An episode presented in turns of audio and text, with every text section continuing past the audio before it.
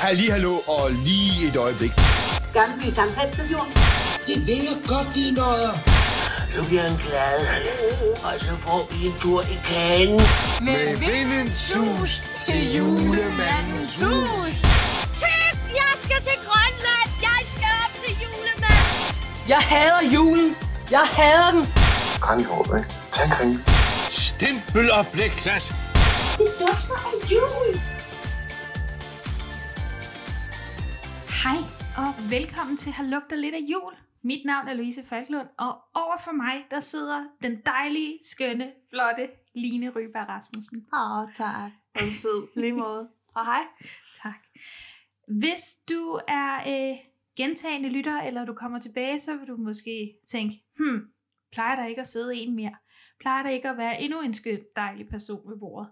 Og jo, det gør der. Jo, det gør der. Men øhm, vi har lidt dårlige nyheder. Vores øh, fantastiske Maria Væver, som jo plejer at komme med de mest vidunderlige input, hun er desværre gået hen og blevet langtidssyg. Og det betyder, at hun vil være lidt fraværende fra podcasten det næste stykke tid. Vi ved ikke, hvor længe, men øhm, vi kommer i hvert fald til at savne hende helt vildt. Vi savner hende allerede. Det gør vi. Hun mangler. Ja. ikke, at, ikke at det her ikke er hyggeligt, men hun mangler. Vi, vi plejer at være tre, og, det, og det, sådan skal det være. Ja, Men og nu får I også. Maria er jo hende med al filmviden og de tekniske kompetencer, så vi, vi, vi vil gøre så godt vi kan. Vi, vi, vi forsøger. Og øh, den tro lytter vil jo også vide, at Maria er hende, der ser ting, som muligvis ikke er der. Så det kan også være, at vi må prøve at slå vores klamofilter på. Se, Bare, se hvad vi kan komme op med. bare Grav frem. til ære for hende. Ja. ja, send lige nogle hele dejlige tanker til Maria. Og det er ikke corona. Nej, Skal vi No worries. sige. Det er ikke corona. Men, Line, vi har set en ny julekalender. Ja. vi har set jul på slottet. Vi har set jul på slottet. Surprise! Ja, fordi vi sagde jo sidst i Jesus Josefine, at nu vil vi gå i gang med en DR julekalender, og det var lidt af en klassiker. Og det må man sige, det er. Altså, uden at spoil for meget, jeg synes, den er god. Jeg blev så overrasket over, at jeg synes, den er god. Jeg blev overrasket over, at jeg ikke havde den på DVD, fordi det troede jeg. Men nu tænker jeg, jeg må have den på DVD. Jamen, det er jo det. det, det den, er, den er langt bedre, end jeg husker. Ja.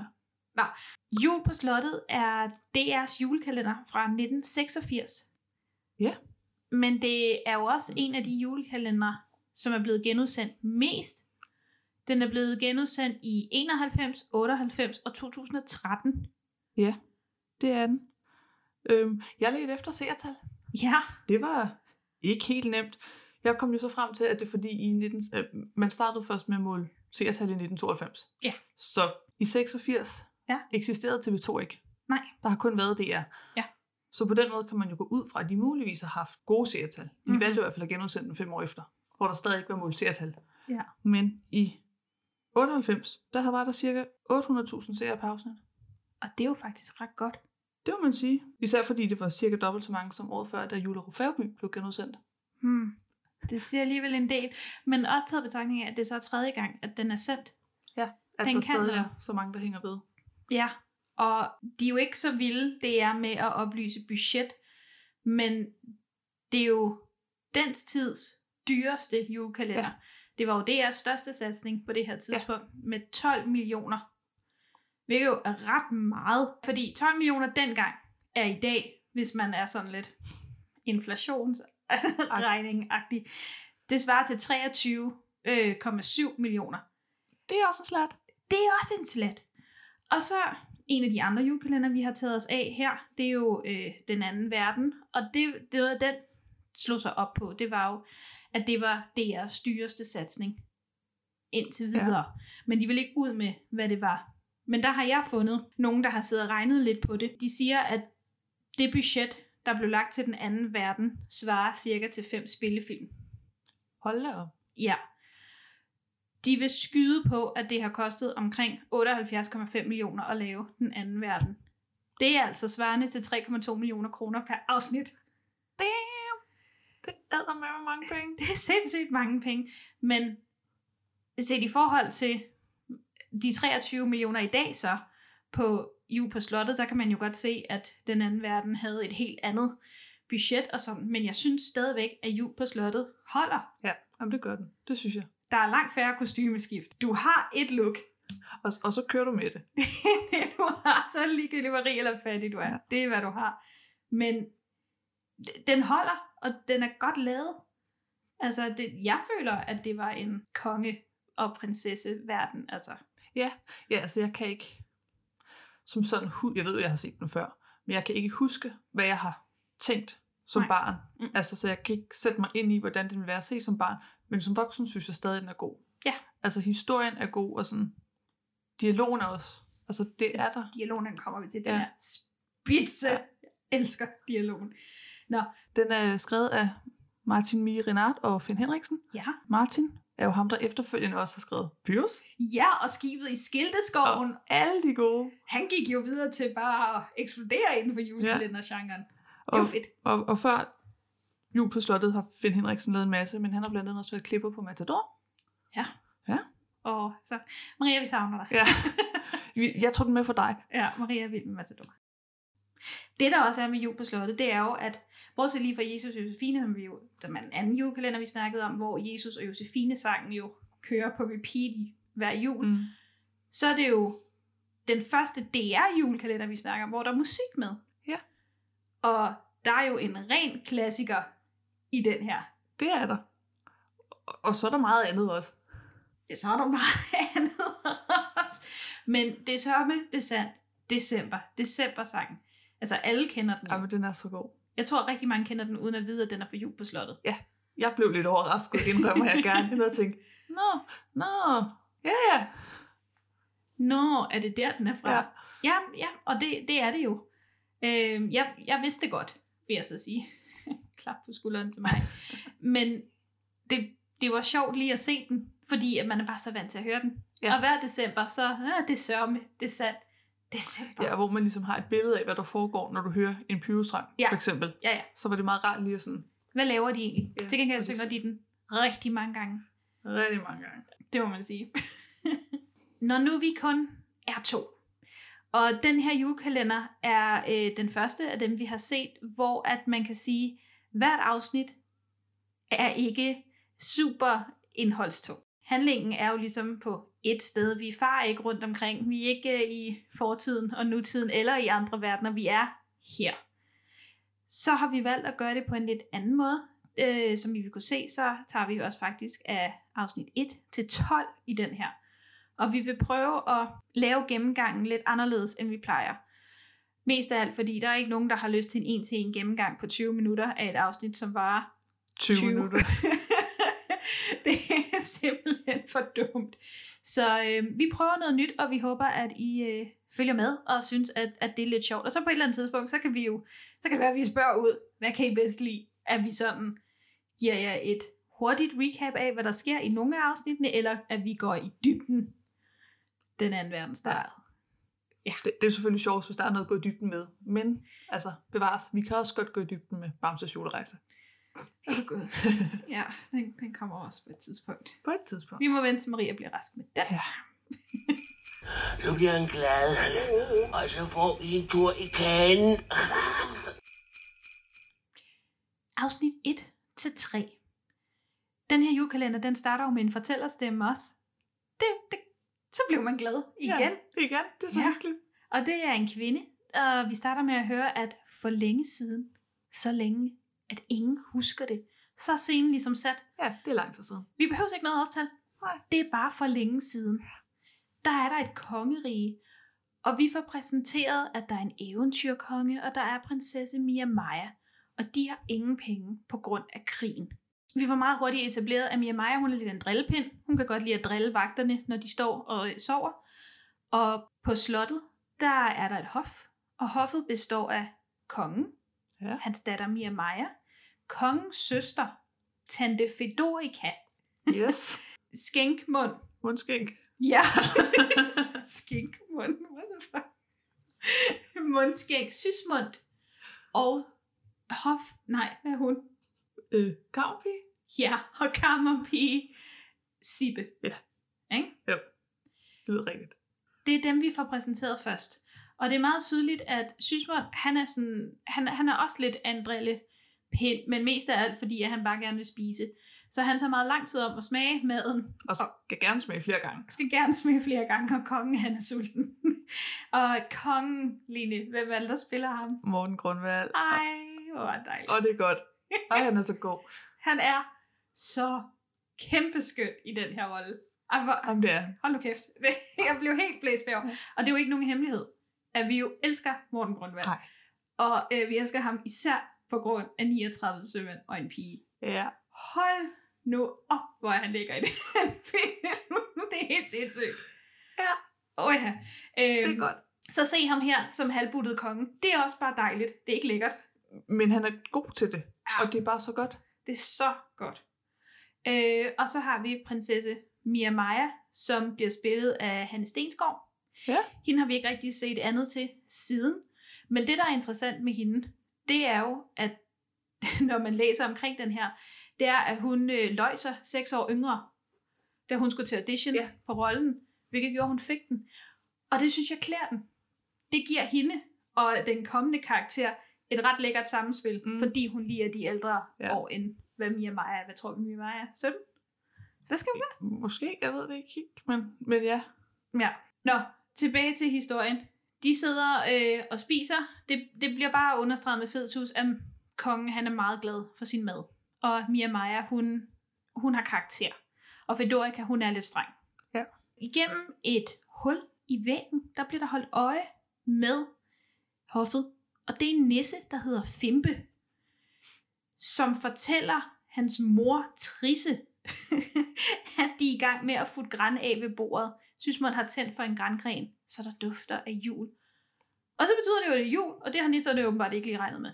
Så nu skal de skifte deres huer. Ja, de er rigtig gode nisser, var. Der holder sådan styr på månederne. Man, you had one job. Men til gengæld, hold da op. Øh, min første tanke var lidt Pyrus, Mm. hvilket giver god mening bagefter med ham der nissen. Men jeg fik genset øh, det første afsnit, fordi de skulle lede efter noget. Og jeg kunne næsten ikke forstå, hvad han sagde, fordi han snakker sådan hulter til multer. Ja, Fimpe snakker babysprog. Men frelægger han så det senere? Eller har han Nej. bare lært at leve med det? Jeg tror bare, man lærer at leve med. Okay. det. Men jeg er Fimpe, der bliver spillet af Allan Olsen, som jo også er dejlig at se. Han er jo en dygtig skuespiller. Meget. han, Allan er på det her tidspunkt 26 år, 25-26 år, da de indspiller. Han spiller en karakter, der snakker babysprog. Det, det, det er meget uschammerende. Og så især fordi, at så får vi så at vide, husk nu på, ham der har skrevet den her, han gik videre til at skrive Pyrus. Og det, vi får at vide, at Fimpe, han er 119 år gammel. Pyrus viser det sig, i starten i hvert fald, han skulle være omkring 114. De Okay. 114 skulle svare til 17 år i menneskeår. Det vil sige, at der går 6,7 nisseår på et menneskeår. Det vil sige, at Fimpe er ældre end Pyrus. Og Fimpe render rundt og snakker babysprog. Ja, nej. Fimpe er ikke ældre end Pyrus. det er han ifølge tallene. Og det kan da godt være forskel på Rigsarkivs nissers alder og dem på slottet for længe, længe siden. Ja. Jeg ved ikke, hvordan de tæller. Men hvis vi skal holde en eller anden form for nissestandard på alder, ja, altså far Magnum siger jo så også på et tidspunkt, ja, om næsten 100 år er du voksen. ja, Det er også lidt sent at blive voksen så. 219 år. men det er jo det. Ja. Men hvem er det, der spiller far Magnum? Ole Testrup? Det er Ole Testrup! det er også, ja, åh, han er hyggelig. Han er hyggelig som far Magnum. Så altså, vi har hoffet, og så har vi de tre nisser. Mor Trisse, far Magnum og lille nisse Fimpe Ja. på 18.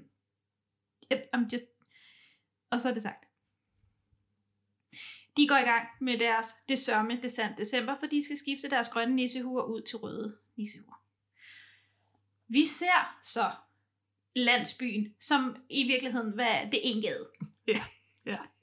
Der kommer en rytter ridende på en hvid hest. Og øh, han vil op til slottet, for han er supplikant, bliver det kaldt, når man vil have en audiens med kongen. Hmm. Så kongen han sidder i sit tronrum, må det være tronen? Ja. Det hvor han sidder og tager imod gæster. Ja, og ind kommer den her mand, fyr, hvad skal vi kalde ham, klædt i grønt, øh, som jo har reddet på den hvide hest gennem byen, og han præsenterer sig selv som Valentin. Og han siger, at han kommer langt væk fra, og han gerne vil tjene kongen. Kongen han er sur. han er både træt, og han er måske også lidt sulten, men han er mest af alt irriteret, fordi der er ikke råd til at ansætte nogen, for der er jo krig. Ja. Så det fortæller han, at det kan være lige meget. Valentin siger, at han er jæger, og han kan gøre tjeneste, fordi han kender skoven og alle dets dyr, både de fjerede og de hornede. Han kan også fange harer. Og her afbryder kongen ham og siger, at der er ikke flere harer på grund af krigen, og det er ærgerligt, for kongen elsker haresteg. Så siger Valentin, "Mm, jeg behøver ikke have noget for det her. Jeg vil bare gerne tjene dig. Det er meget billigt at arbejde gratis, så. Ja, det, det, jeg vil bare gerne tjene kongen. Og så synes kongen pludselig, det er en god idé. Især da Valentin hen hiver en har frem Ja. fra bæltetasken, eller hvor pokker det er, han lige har gemt den der. Der vandt han. Ja. Der vandt han, der vandt han kongens hjerte med mad. Så Valentin, han bliver ansat som jæger. Ja. Staldreng. ja, jeg ved det ikke helt rigtigt. Egentlig, hvad det er, han bliver ansat som. Han, han tjener kongen. Han tjener kongen og bor i stalden. Ja. Jeg hilser jer, høje konge. Hvem er han? Valentin er mit navn. Mhm. Mm-hmm. Jeg kommer langvejs fra for at søge tjeneste på jeres slot. Han kan gøre mig en tjeneste. Ja? Forsvind igen. Vi har tjenestefolk nok at føde på. Hvad kan han? Jeg kender skoven og heden og mosen. Jeg ved om dyrene, både de hornede og de fjerede. Jeg kan følge harens spor. Der findes ikke en hare i landet mere. Krigen har skræmt dem bort, er jeg bange for. Og jeg, som elsker haresteg. Ja, hvis kongen siger, der ikke findes harer, så findes der ingen. Men den her ligner i hvert fald. Ved min sjæls evige saltkar, det er en hare. Flux, ud i køkkenet med den, Sysmund. Du er vist kald for din hat. Han ser mig noget klein ud. Desto nemmere smutter jeg gennem krattet, hvor den store må udenom. Haha, vel talt. Den knæk er min tro godt skåret for hovedet. Båndet. Pardon? Tungebåndet. Det er tungebåndet, man skærer for. Netop. Mine ord. Mia Maja, hende ser vi ikke så meget til i første afsnit. Vi ser hende kun lige til slut, hvor hun er på vej op på loftet, hvor hun øh, prøver at få Sibbe med, fordi de skal give mad til nisserne. Ja. Og Sibbe tør ikke. Så, hun er øh, lidt... Sibbe er Sibbe Kyllingemor, Ja. som Mia Maja kalder hende. Så Mia Maja, hun ender med at gå alene op. Et loft, der af en eller anden grund er fyldt med æbler. Jeg som bare ligger sådan på gulvet. De Jeg ved ikke, om det er bare deres æblekammer. det er et skide dårligt sted Ja. at opbevare æbler. Du skal i hvert fald lige se, hvor du går, så du ikke lige... Ja, og du skal slæbe dem op. Også det. Men hun går derop, og så stiller hun en skål på bordet, og så går der en sang i gang. Fordi så vender hun sig væk og begynder at pille ved æbler, og nisserne ser hende, og de anerkender, at de har set hende før. Ja. Der er sådan en, hende kan vi genkende, hun er så sød, den prinsesse. Så de har så langsomt maden op, og hun kigger på nogle æbler, og så kigger hun, og så er maden væk. Det skal lige siges, at på et tidspunkt så spiser hoffet middag, og der, Jo. der kommer rigsrådet Grev Rapsenfuchs hjem. Ja. Grev Rapsenfuchs, som jo er spillet af Våge Sandø Ja. i på rejseholdet, siger jeg med glæde i stemmen. Og, og jeg tænker, okay, Ja, Rap, han er også med i krøningen. Han er virkelig god. det er han. Ja, men Grev Rapsenfuchs, han har jo været i nabolandet, Montania. Ja, dem de ligger i krig med. Ja, dem de ligger i krig med, og han kommer hjem og siger, at julefreden er sikret. Og så hiver han et stort dokument frem. Han har sin brorsøn, Junker Jux, med sig. Greven, altså rigsrådet, Rapsenfuchs, vi vil nok gå hen og begynde at kalde ham greven. Ja, den, den er vi på. Det er det nemmeste. Greven fortæller, at julefreden er sikret med en enkel krigserstatning. Kongens vægt i guld. Og afsnittet slutter med Mia Maja, der stille sidder for sig selv og spørger, findes der overhovedet så meget guld? Burn! det var godt. I andet afsnit, der øh, kigger de i skattekammeret, slottets skattekammer, og det viser sig at være tomt. Og Fedorika, hun får lidt nævnt til kongen, at det jo faktisk var greven, der anbefalede dem at gå i krig. Hun siger det ikke ondt, fordi det virker lidt som om, at tante Fedorika er meget glad for rigsrådet, altså greven. Ja. Det er kongen også. De stoler begge to blindt på ham. Men der er altså ikke nogen penge. Og fordi der ikke er nogen penge, så fastslår tante Fedorika, at der kun er en løsning. Hvis de skal betale kongens vægt i guld, så må kongen på slankekur. Ja, der er ikke andet for. Der er ikke andet at gøre. Han må på slankekur. Øh, Det er ikke med kongens gode vilje. Kongen han sidder til middagen og fortæller, at hans far var tyk. Hans far før ham var tyk, og han er tyk. Konger skal være tykke. Men der siger Tante Fedorica, at øh, men det jo også kræver viljestyrke at gå på kur, så derfor gør han det nok ikke. Hvor til kongen gør det vidderligt, som han siger, og når, han, når kongen gør noget vidderligt, så er der to trompetglade mennesker, der stiller sig op over i hjørnet Og trutter lidt ud af og takt. straffer det, de stakkels instrumenter for hårdt. Så siger han, at han for nu af spiser kongen ikke længere en bid, medmindre det er højst nødvendigt. Og jeg er godt klar over, at de så siger det senere, men her nåede jeg også at tænke, men, men, men hvornår skal betalingen falde? Det tror jeg nemlig, de har sagt på det tidspunkt, da de snakker Nej. om sultekuren. Så der var jeg tænkt, hvor, hvor længe har du til at tabe dig? Fordi ellers er det jo en dårlig deal for de andre, hvis... Ja. Nisserne hører, at øh, der går slankekur i den, og de lever over rester fra kongens bord, siger de. Ja, men de får risengrød af hende, med mig der, hver Ja. ja. gang. Hagtigt. Og det var jo ikke det, de fik. Nej. Så. Men for historiens skyld, så er Magnum øh, ret bange for det. Men mor Trisse synes nu egentlig også, at Magnum måske godt kunne tåle at tabe sig lidt. Og der siger Magnum, at Nisse ikke skal være tynd. Nede i stallen, der er Sysmund gået ned for at fodre Vesper. Prinsesse Mia Majas hest, fordi hun har bedt ham om det. Men øh, der møder han Valentin. Og Valentin, han gør det klart, at der er ikke andre, der fodrer hesten end ham og prinsessen. Og så siger han, at han står inden for prinsessens hest med sit liv. Ja. Hvilket gør, de har sådan en, de har lidt en kamp dernede. Ikke en kamp, altså Valentin. Valentin overfalder ham altså nærmest. Ja, og jeg nåede altså også sådan lidt at tænke, øhm, igen, jeg ved ikke, hvad din jobtitel er, men du er lige startet på arbejde. Skulle du lære altså dem, der arbejder på slottet at kende, før du bare overfalder tilfældige mennesker? Ja, han, han, er sådan lidt, han er, han er lidt vild ja. i hødet der med Sysmund. Ja. Øh, Men, men det gør, at Sysmund øh, vender tilbage til slottet og siger, at der er et monster dernede, og han, han nærmest råber lidt rundt omkring det. Så Mia Maja må selv gå ned til Vesper. Og hun går ned, og her står den her meget fine hvide hest, og Mia Maja er meget glad for sin dyr, finder vi ud af. Hun er meget glad for sin hest og sin fugl senere. Og hun står og snakker til Vesper, og så lige pludselig så svarer Vesper, og Mia Maja, hun snakker videre med Vesper, og Vesper svarer med mandestemme, på trods Ja. af, at Vesper altså er en pige. Og det viser sig jo så at være Valentin. Men Valentin ved ikke, hvem Mia Maja er, og spørger, om hun er malkepige eller vaskepige, i hvert fald allermindst sygepige. Og Mia Maja præsenterer sig så som Sibbe, og siger, at hun er prinsessens kammerterne. Mia Maja, hun går tilbage på slottet og fortæller Sysmund, at hun har sat monstret på plads. Den snak, Mia Maja og Valentin har her, ikke? Ja. De her replikker, Ja, men det er så godt. De er så vildt godt Den skrevet. dialog er så fantastisk. Amen, altså, vi, vi, vi sætter den ind her, så kan I høre den.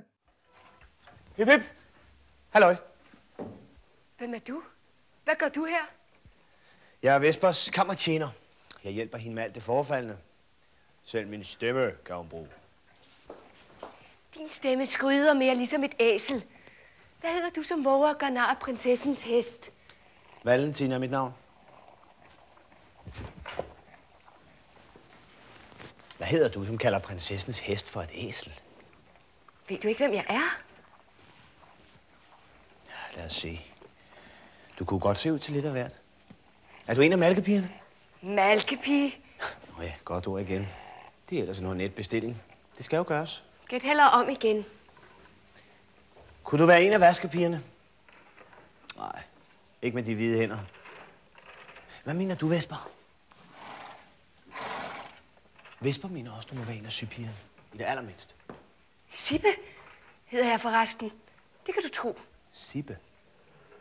Det lyder mere som navnet på en hønsehund med våd snude. Så er Valentin en gammel handkat med kun et øre. Måske, men den har stadig kløerne i behold. Så den kunne nok rives med gamle Sibbe hønsehund. Stop! Hvis du rører mig, så kan prinsessen lugte det. Hun har en meget fin næse. Hun kan lugte en gemen staldreng som dig på flere mils afstand. Sandt? Fortæl mig om hende. Kender du hende godt? Jeg er prinsessens kammertærne med forlov. Jeg hjælper hende i og af sengen hver eneste dag. Virkelig? Kan hun ikke komme ud af sengen ved egen hjælp? Jo, det kan hun sagtens. Men hun er for fin. Alt for fin. Staldreng. Den, det der frem og tilbage. Ja. Jeg har læst en del artikler om, at man var bekymret for, at den måde, den her kalender er skrevet på, at den vil hægte de yngste af. Og det har de muligvis også gjort, men de yngste har stadigvæk fundet romantikken og historien sjov. Men for voksne, ja. det er altså lækkert at sidde og se noget, der er så velskrevet, og du skal spidse ører. Fordi i virkeligheden giver det meget god mening, det de siger.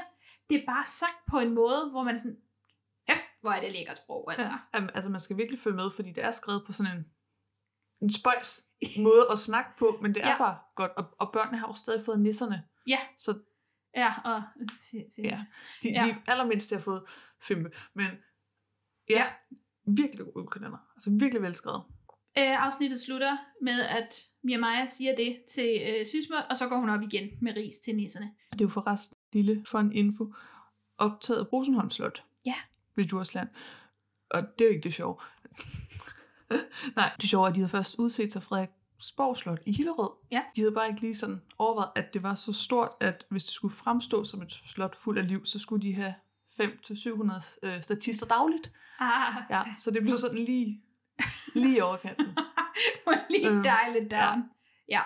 Nå, men det her, det fungerer ja. også godt. Det er lokalt. Det er et lokalt slot. Ja, Altså- meget lokalt slot. Men, men det er hyggeligt. Det, det, det svarer meget godt til, hvad man tror, hvordan de bor. I afsnit 3, der er kongen kommet på slankekur, og han må se Fedorika og Mia Maja sidde og spise en masse mad, mens han selv får serveret, altså hvad der svarer til et lille bitte, bitte stykke ristet brød, eller sådan noget, Ja. og en skive salat. Meget kedeligt. De prøver at veje kongen på sådan en, hvis øh, kan du forestille dig en gammeldags vægt, hvor man stod med lodder. Det her det er bare i kæmpe version. Og der har man besluttet sig for, at det er en god idé, at kongen sidder på sin stol, Ja. imens man vejer ham. Iført kappe og krone, Krone og... og scepter og alting. Ja. Og de har ikke lodder nok til ligesom at udbalancere den her. Og så siger øh, Mia Maja og Fedorika, at man ligesom, de må gøre, hvad de kan for at få vægten til at stemme. Og Mia Maja tilbyder at lægge en guldhalskæde på, som hun har fået af sin afdøde mor. Og nisserne, de er kede af, at der bliver snakket mere om guld end om jul på hoffet. Men i det mindste så prøver de at pynte op på slottet. Ikke nisserne, men hoffet. Ja. Så der bliver hæ- hængt sådan nogle kringler op rundt omkring. Hvilket man åbenbart gjorde i gamle dage. Det tror jeg måske meget, yeah. man gjorde. Som kongen prøver i smug at spise. Det bliver middag, og igen, sproget her er fantastisk, så der bliver præsenteret, hvad Mia Maja og Fedorika skal have, og det er et eller andet meget fint. Og så skal Sysmund fortælle, hvad kongen han skal have, og han skal have beskidt ordinære salat natural pyhar. Ja. Så godt. Det er fantastisk. Ja. Men øhm, der bliver kongen pissur, at jeg skulle sidde der og se på de andre meske sig. Så han gør det vidderligt, at hvis han skal på slankekur, Så skal de alle sammen. Så skal alle. Og det synes Fedorika og Mia Maja egentlig er en fin idé. Ja. Det, det kan vi da godt. Det virker da som en god idé. Det tror nisserne også gælder dem. Ja. Så Magnum, han siger, nu må de i gang med det, der er deres natur. At være drillepind. Og så kommer drillepindsang. Det er jo også en klassiker. Ikke lige så meget som de andre. Nej, det er rigtigt. Det tror jeg også godt, jeg kendte, ja. Ja, når man er i nisselærer, Nå ja, det må man bruge sin nissepære, Det er rigtigt, den hvis kender jeg man godt. vil en nisse. bager. Yes. Lige præcis, ikke? Fordi du sagde drillesang, så tænkte jeg, hmm. Mm. Men ja, det er rigtigt. Den kendte jeg også godt. Kongen han hidkalder sin troldmand, må det være, Astralius. Ja. Øh, fordi at han vil have Astralius til at lave en drink til ham, så han kan blive tynd. Yes, en slangedrink. Til det siger Astralius, at han skal bruge en masse ting. Musetunger taget i måneskin, og amen, Ja, det var det er et projekt åbenbart at få de ting. det, det er ikke bare lige at gå på nemlig, vel? Og der siger kongen, send ham den nye jæger. Ja. Fint, send ham ud og gør det. Så det gør han. Valentin han bliver sendt ud for at hente de her ting. Der er lidt frem og tilbage med, at kongen han, han prøver i skjul at spise konfekt. Men øh, det ender med, at Sysmund han får taget det. Så finder Fedorika Sysmund med det. Øh, men Sysmund dækker over kongen og siger, at det, det er hans konfekt. Ja. Sådan så øh, kongen ikke får skæld ud. Det sidste vi ser, det er, at Mia Maja hun er på vej i seng. Og der hører hun en fløjtespiller udenfor. Og det er Valentin, der på hest spiller fløjte, mens han rider ud i måneskinnet. Ja. Der er ikke det, han ikke kan. Nej. Hold op, det bliver da også mere og mere spændende. Godt. Afsnit 4 til 6. Nisserne får et brev fra brevduen. Lægger vi simpelthen ud med i afsnit 4. Øhm, der kommer et brev fra onkel Mirko. Ja. Ja, fra Montagna. Der skriver, at han kommer på julebesøg. Så de får pludselig meget travlt. I mit hoved tænker jeg at julebesøg, det er til jul. ja. Men de håber pludselig meget travlt. Hos prinsesse Mia Maja ser hun, at Valentin kommer tilbage Mm-hmm. fra skoven og vil spille ham et pus. Ja, for hun er jo ret betaget af ham. Så hun sender sin kammerpige Sibbe ned til Sysmund, som desuden finder ham i gang med at han render lidt rundt og tager på alle damerne på slottet. Han er lidt klam. Ja, det skal han lige Ja. stoppe med. Sibbe sender så Sysmund ned til Valentin. Ja, det var mange S'er. Det var rigtigt, var det ikke? Sibbe sender så Sysmund. Ja. Åh, Düsseldorf. Det er også en god film. Hun sender Sysmund ned til Valentin for at sige, at prinsessen vil se ham. Ja, for Sibbe kan jo ikke selv tage derned. Nej, fordi... Fordi Mia Maja skal være Sibbe. Ja, lige præcis. Ja, så hun sender ham derned. Så da Valentin kommer op til prinsessen, har Mia Maja smidt Sibbe i en noget stof. Ja, fordi Mia Maja var ved at få lavet nye kjoler, så der Ja. ligger en masse stof rundt omkring. Hun får det på at blive sat i en stol og får Mia Majas krone på hovedet. Mm. Og her forstår jeg ikke helt rigtigt, hvordan Mia Maja holder den på plads, fordi Sibbe, hun smider kronen ned bare sådan. Ja. Hun taber den. Men, men Mia Maja har jo prinsessehår. Det ved du godt Åh, jo, automatisk ja. bare holder fast på kroner. Ja, og det er jo sådan, det er. Det ser vi jo Sibbe ikke gør det. senere. Han kommer op, og jeg forstår egentlig ikke helt rigtigt, hvad det går ud på, fordi Sibbe sidder der, hun tør ikke sige noget, og Mia Maja, hun prøver lidt. Øh, men de vil have jæren til at vise, hvad han har i sin taske. De vil bare, altså, de, vil bare gøre grin. Ja. Jeg synes, de er virkelig nederen. De er så onde. Ja, de er meget onde. Og Sibbe, hun sidder, og hun tør ikke rigtig være med på spøjen. Så Mia Maja tager alligevel ordet. Ja, ja. Og jæren siger, men jeg vil gerne vise, hvad jeg har i tasken, hvis prinsessen beder mig om det. Ja. Og Og Sibbe siger, ved jo godt. Ja, ja. Sibbe siger jo stadig ikke noget. Så Sysmund og... Er, er, er Junker? Jux også derinde lige pludselig? Ja. ja. De, de overfalder så jæren ja. for at prøve at tage hans taske. Og så lige pludselig så vælter det ud med 15 dusin musetunger. Ja, Er du klar over, hvor mange det er? Ad! Hvad fanden har han lavet den nat? Han har også været hurtig, var? Ja. I kampens hede, whatever, jeg ved ikke, hvad der foregår. Sibbe hopper op på en stol, for der er en mus lige pludselig, og alt i panik. Så kommer Fedorika ind til kaoset og får afsløret, at det ikke er Sibbe, der er den rigtige prinsesse. Ja, for pokker. det var ikke godt, var. Nå, men så slutter den leg der. Ja. Fordi, hvad ved jeg, Men nu ved Valentin jo. mm, at Mia Maja er prinsessen. Ja. Ja, fordi hun får også lige kronen og sætter den på og sådan noget. Så bliver kongen varet igen. Ja. Han taber sig stadig ikke rigtig nok. Nej, her en dag senere. Ja, lige præcis. Men altså, jo- han har ikke spist noget, vel? Øhm, så Fedorika og Mia Maja, de bliver enige om, at det der motion, det får han ikke nok af. Så hvis han nu bare lige tog 25 omgang i Slottsgården hver dag, så er den derhjemme. Og det virker som en skidegod Ja. idé. Og så ser vi ham så pruste og stønne med håndklædet Ja, der bliver filmet halsen. sådan på hans overkrop. Ja. Og han proster. og hans pruster, og man tænker, han jogger nok derudad, indtil kameraet sådan zoomer væk, og han egentlig bare sidder på en stol, og der så er fire, hvad ved jeg, soldater, der løber rundt med ham i den der slotsgård. Jamen, det er så godt. For en, der for nylig har begyndt at løbe, ikke? Det virker som den rigtige måde. Jeg er helt med på det. Hvis jeg kunne finde fire, der gad løbe rundt med mig i en stol, så, altså, så var den hjemme. Efter den hårde tur bliver han så vejet igen, fordi nu er jo gået hurtigt, tænker jeg. Og han har simpelthen tabt sig 14,5 tødel. Ja. Og en tødel, det, er jo, det slog jeg op. Det er godt. Hvad er en tødel? For det gør jeg ikke. Det, en tødel er en prik eller en streg. Har han tabt sig 14,5 streg? What? Det, det, det er mere som sådan en... Det, det er et pauserum for noget, der kommer efter, okay. hvis du forstår, Ja. øh, i skrivesprog. Altså som punktum, slut, nu kommer der noget. Det er sådan, Okay. her skal der være luftagtigt ment. Så i virkeligheden har han tabt sig 14,5 luft. Super. Men Men igen, det er så godt skrevet. mega godt skrevet. Det er simpelthen det er ret fantastisk. Ja. Australius kommer så ind, og han har ikke haft held med at fremstille slangedrikken. Men til gengæld er han kommet til at opfinde den dybe tallerken. og så det kan jo ske. Det kan jo ske for selv den bedste. Ja. Australius. Ja. Afsnit 5. Jeg bliver lige nødt til Ja. at tilføje til afsnit 4. Gør det. I det her med, at nisserne pludselig skal gøre klar til, at Mirko kommer. Ja. Der står mor Trisse og laver et eller andet klamt i en handske. det er rigtigt. Jeg ved ikke, hvad det er, hun Nej. Laver. Det er noget meget rødt. Jeg går ud fra, at det er noget saft. Men det, der virkelig irriterer mig her, det er, at den her handske, det er meget tydeligt, at det er en stor handske. Det skulle være en menneskehandske. Ja. Men det er ikke gennemtænkt som på Pyrus-niveau, som i vi sover i din sutsko. Mm. Den her handske, den er, hvad er den, den, er, den, den er halvt så stor som mor Trisse. Ja. Hvad, hvem passer den handske til? Jamen, det er egentlig meget mærkeligt, fordi jeg er ret sikker på, at de siger senere, Mia Maja siger senere, at nisser er, er halvt så store Ja. som dem. Det er jo også store nisser. Det er jo nemlig rigtig store nisser. Altså hvis de render rundt og er i sådan livhøjde. Men det får jo stadigvæk ikke handsken til at passe. Nej, det Så- gør det ikke. Sådan noget irriterer mig. Ja, det var bare lige det. Okay. Afsnit 5.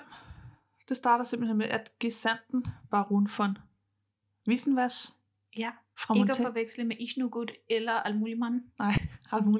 Læs nu godt, men von Wissenwas fra Montagna, han kommer på besøg for at se, hvordan det går med ligesom at skaffe kongens vægt i guld, som skal betales til jul, Ja. for vi så etableret her. Og det kan man godt se at greve Rappen Fuchs. Rapsenfuchs. Rapsenfuchs.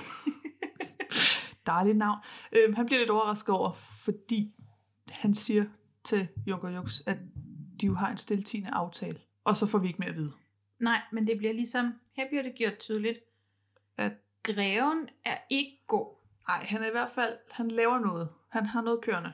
Det er muligvis greven, der har været med til at lave den her aftale om kongens vægtige guld, og han har ikke lavet den i god tro. For en Wiesenvas har øh, medbragt en ordentlig stor kage som gave til kongen, for ligesom at være høflig for besøget her. Ja. Og Tante Fedorika, hun øh, afviser den, prøver at afvise at tage imod kagen. Ja. Lidt hårdt, men er jo dog trods alt også en del af det royale, så Mm. gør jo, er jo heller ikke hårdere, end at man ender med alligevel lige at smage på kagen af al høflighed. Og så ender de så med at spise den hele. Ja. Kongen spiser faktisk så meget, at den stol, han sidder på, går i stykker. Ja, det var en stor kage. Det var en stor kage, og det er jo snedigt Meget snedigt. af baron von Wiesenvas. Det er jo også lidt vigtigt at pointere, at baron von Wiesenvas er jo ikke ham, der bestemmer i Montagna. Nej. Han, han er udsending, han er gesandt. Ja, og det er en diplomatisk udsending, slår op med rang lige under ambassadør. Så ser man så ved baron von Wissenvas vogn et sæt ben, der kommer ud. Og det er så øh, far Magnums bror, Mirko, som har været med som blind passager. Hvilket jo så gør det endnu mere interessant, hvis altså, det er en meget stor blind passager, hvis han er halvt så stor som ja. menneskerne. Ja, Altså hvis det var Pyrus næste størrelse, var det lidt nemmere at gemme sig. så er det jo ikke noget problem. Nej. Amen. Men, nå, men han har i hvert fald med som blind passager i den der hestevogn. Øhm, han er på flugt fra Montagna, fordi von Wissenvas, han har simpelthen forbudt folk at tro på nisser. Ja, det er von Wiesenvas, der har forbudt at tro på nisser. Ja. Men igen, han er gesandt. Ja, jeg ved ikke helt, hvor han har øh, the power to do that, men det er tydeligt, at det er von Wissenvas, Mirko er bange for. Ja. Men hvem er det, der spiller Mirko? Det er. Finn Nielsen. Ja. Og ved du, hvem Finn Nielsen Ja, er? det ved jeg godt. Det er Skipper. Ja, det er rigtigt. Det er jo, det er jo det er hans tidligere nisseform. Åh, oh, men det er Eller- så dejligt. Ja. Ikke tidligere, men ja, jeg blev så glad. ja. Men nisserne har jo et billede hængende af onkel Mirko. Ja. Og der, der bliver lagt meget vægt på, at de kan slet ikke genkende ham. Ligner han ikke præcis den samme? Er det fordi, han skal være tyndere? Måske. Det kan godt være, at han er blevet tynd af at være på flugt, eller at han ikke bærer sig selv, fordi fra Magnum gør meget ud af, at Mirko er en meget pæn mand. Ja. Meget anstændig mand. Altså, Ja. Nej, nisse. Nisse. Ja, Jamen, det er lidt ikke mand. Ja, men det er rigtigt. så nej, jo, han ligner sig selv på det billede. Jeg ved ikke helt, Ja. hvad de ser eller ikke ser. Men Mirko fortæller, at han er den eneste nisse, der er tilbage. Ja. Og nu er han flygtet. At de andre nisser bare faldet døde om. Eller, eller også, at de ikke flygtet. Jeg ved det ikke, de går meget ud af, at hvis der ikke er nogen, der tror på en, eller, så er man ikke. Ja. Så er de andre bare synet hen, at det er det, han er ved. Og så har han holdt eller, stand. Og så flygt noget, han har flygt, inden han forsvandt helt, jeg ved det ikke. Godt for Mirko. Ja, godt han kom væk. Mm-hmm. Men fordi at for en visen værst, ligesom at det hernede er en type, så beslutter nisserne så også for at drille baronen, mens han sover. Mm-hmm. Løfter noget dyneværk. Og, Ja, for baron von Wiesenvers, han bliver sover. ja, på et eller andet tidspunkt i mellemtiden, så hidkalder Sibbe Valentin, da Mia Majas fugl, Gregor, er syg. Ja. Og han er jo, Valentin er åbenbart blevet, men det ved jeg ikke, dyrlæge i mellemtiden. Han er jo jæger. Han Ja, har han- forstand på både han de, de vingede og de øh, Ja. ja, benede. Øhm, men til Valentins held, så var fuglen heldigvis ikke mere syg end lidt trusler om slagtning og fuglefrø. Gjorde den rask. Det fik de i hvert fald til at spise igen. Ja, Sibe, hun er nede for at hente ham, ikke? Jo. Det er Ja, også- og der, der har de sådan en lille, en lille snak om, at hun er vist ikke helt er prinsesse. Øh, hvor at Sibbe, hun svarer sådan noget med, jeg er vist ikke mere prinsesse, end de selv er. Ja. Agtig. Og der, øh, der, der snakker Valentin også om prinsessens øjne, hvor til Sibbes svar er, det er vist ikke din bestilling at holde foredrag om prinsessens øjne. Og hvad har så den nådige prinsesse at befale? Prinsesse. Jeg er ikke mere prinsesse, end I selv er. Det var ikke meget. For jeg er ikke det ringeste prinsesse. Snarere tværtom. Nej, for du er jo fuglefænger, ikke sandt? Du skal straks komme op på slottet til prinsessens fugl. Er fuglen fløjet? Skal den fanges ind? Nej, den flyver så vist ingen steder. Tværtom, så skvatter den ned af sin pind for et godt ord. Og jeg ved den ikke, hvad man så indgiver den. Hvis den kreperer, så græder prinsessen bestemt øjnene ud af sit hoved. Det ville være en stor skam. Så kønne de er. Det er vist ikke din bestilling at holde forelæsning om prinsessens øjne.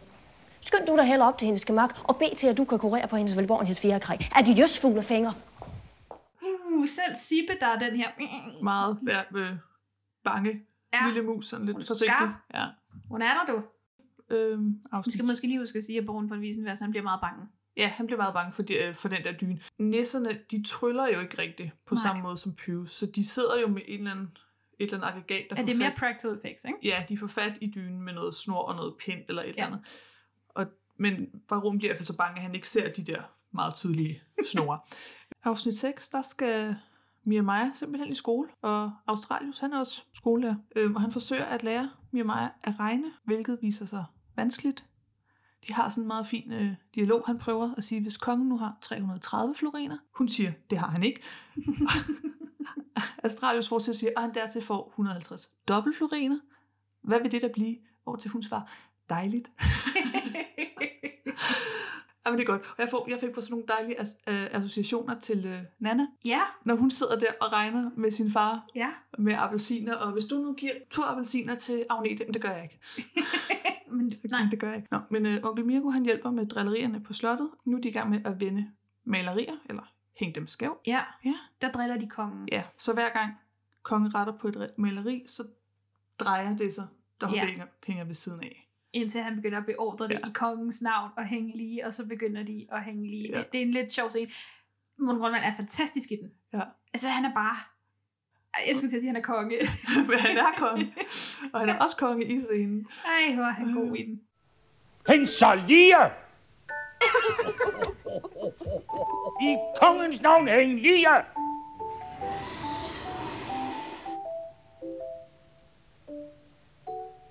I kongens navn, hæng skævt! I kongens navn, hæng lige!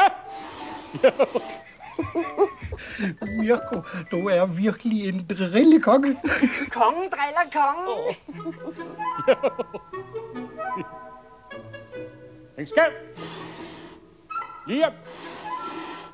Skævt! Lige! Skævt! Lige! Pengene fra årets høst ankommer så, og greve Rappen Fuchs. Rapsenfuchs. Og, det, og greven, let der lidt navn, men jeg troede Josefine var svært. Nå, og greven skynder sig ned for at tage hånd om dem. Det skal han nok. Det skal han nok klare. Hvilket så betyder, at ham og Junker Jux, de lægger størstedelen af guldet over i en anden kiste, ja. som de har skjult på slottet. Dam, dam, dam, dam. Ja. Og vi har vi får ligesom også lidt vist, at Junker Jux, han er, altså, han er ikke den skarpeste. Nej, det er han ikke. Han følger lidt bare med. Han gør, han gør lidt, hvad, Hvad farbror. hvad farbror siger. Ja. ja. Og jeg tror også, ser vi her, at de skjuler kisten et eller andet sted på slottet. Og så er nisserne på vej tilbage, fordi der er frokost i den, og så løber Mirko durk ind i den, Mm. så den kommer til at stå på deres gang. Og igen er jeg der med, det er nogle ret store gange, der så er bag væggene. Hvis nisserne er halv menneske. Det mener du alligevel? Ja. Det er jo helt sindssygt. Ja. Men de sidder også og spiser vagtelæg til morgenmad, som for dem er på størrelse med strusseæg. Vagtelæg er altså for os sådan Meget, 2 meget små. centimeter eller sådan noget. Ja, men det er ikke noget. Ja, der er lige noget der, der ikke helt er godt. Nå. Men efter de har taget de penge, de nu skulle have, eller de guldstykker, så kommer de ind med kisten med de resterende guldmønter til kongen. Der, der er sådan lidt mønter i bunden af kisten. De har virkelig ikke efterladt meget. øhm, det er i hvert fald absolut ikke nok til at hjælpe prisafgifter. Mm-mm. Baron von Wiesenvers er der, da de kommer ind med pengene og minder kongen om, at betalingen snart skal forfinde. Mm. Og så smutter han ellers. Ja, så tager han hjem. Fordi han er lidt bange efter nissernes drilleri der om natten. Valentin ser som Jeremiah sidde og kæmpe med at regne, og sætter sig i et vindue med en kugleramme. At han sidder lige og spiller cool med sin kugleramme. Ja, han, han sidder lige og tæller gæs med sin kugleramme. Whatever. Han sidder Øhm, lige og leger lækker. Ja, og, og det, da hun så kommer over, så viser han hende, hvordan den fungerer, og regner ret hurtigt, ja. vil jeg nu nok sige. Altså, han kører lige et regnestykke, men det er, fordi jeg aldrig har forstået en kugleramme. Men Line, der er øh, kugleramme-generationen, så er der vores generation, hvor vi fik at vide, at vi vil alligevel aldrig gå rundt med en lommeregner I lommen. i lommen. Så derfor så skulle vi kunne de her satans udregninger. Og så er der whatever de lærer i dag. Ja. Men vi er jo generationen, Der har ikke fået- kugleramme, men som fik den skide lommeregner I lommen, ja. Nå, men Jeremiah, hun er i hvert fald meget imponeret over maskinen. Ja. ja. Og mener, at hun kan hjælpe kongens dårlige regnskaber, hvis hun bare havde sådan en. Hvilket jeg synes er meget imponerende. Altså, hvis hun lige, hun skal lige lære at regne først, tænker jeg. Kuglerammen kan jo trods alt ikke helt det samme, som vores lomregner kan. Nej, nej, men det er jo, som han siger til hende, det er jo som at tælle på fingrene. Ja, ja. Du har bare, bare flere, flere fingre. dem, ja. Øhm, Men Valentin, han giver hende den så. Ja. Meget sødt. Ja. Der siger mig mig et eller andet med, at du prøver nok rigtig at vinde kongens gunst. Eller sådan. Ja. Hvor Valentin, smooth. Meget smooth. Nej, ikke kongens. Ja. Yes. Og greven, han har så lige set hele den her samtale. Han har stået og luret et eller andet sted, Ja. som den lurer han nu er. Og så ser vi lige, at kongen hidkalder Astralius, men denne gang for at få ham til at fremstille guld. Ja. Han er gået væk fra ideen med slankedrik, tror jeg. Han vil i hvert fald hellere bare have guldet. Nu, nu må det være guld.